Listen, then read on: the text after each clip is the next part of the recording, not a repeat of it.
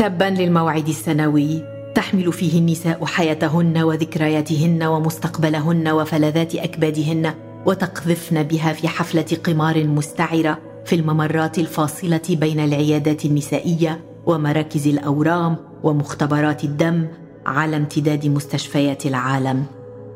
في غرف الجدران البيضاء حيث سلال الغسيل العابقة بروائح الأجساد لا يصمد المنطق بضع لحظات.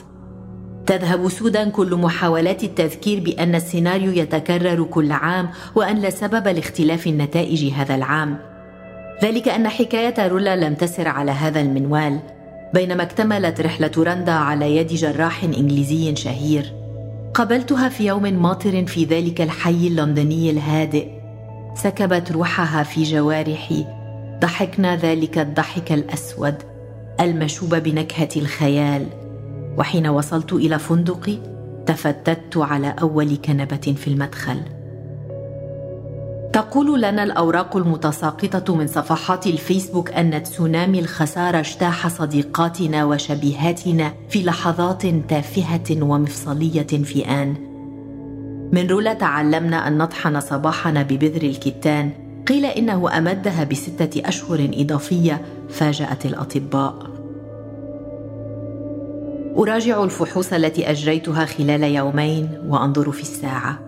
تأخرت عن موعد المدرسة. حسنا فعلت بأن رتبت سيناريو بديل لإرجاع الأميرتين إلى البيت. اشتقت لهما وأتوق لتمضية زمن وعمر طويل معهما. تتناثر المجلات في الغرفة مجلات الموضة والتسلية والمشاهير.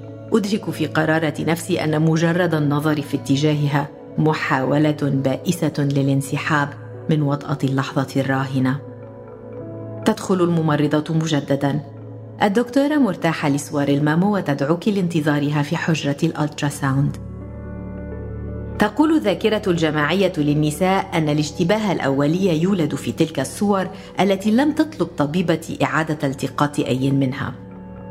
تسقط نصف صخرة عن ظهري. وبنصف القلق الباقي أتوجه إلى الحجرة المجاورة. عشر دقائق من الجل البارد تتبعها ابتسامة عريضة.